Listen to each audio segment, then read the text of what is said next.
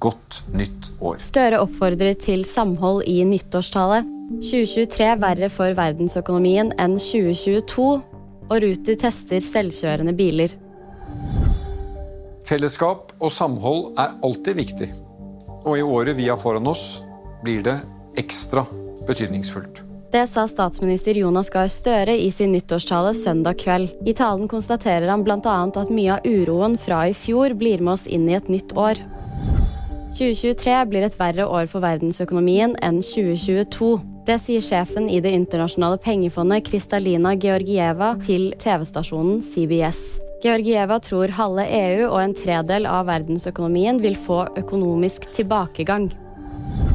Ruti tester ut selvkjørende biler på nyåret. Den første fasen av pilotprosjektet kommer til Groruddalen i Oslo til våren, melder NTB. Ifølge Ruter vil det likevel ta flere måneder etter dette å tilpasse kjøretøyet til norske forhold. Og VG-nyhetene fikk du av meg, Lea Pericher Samadian.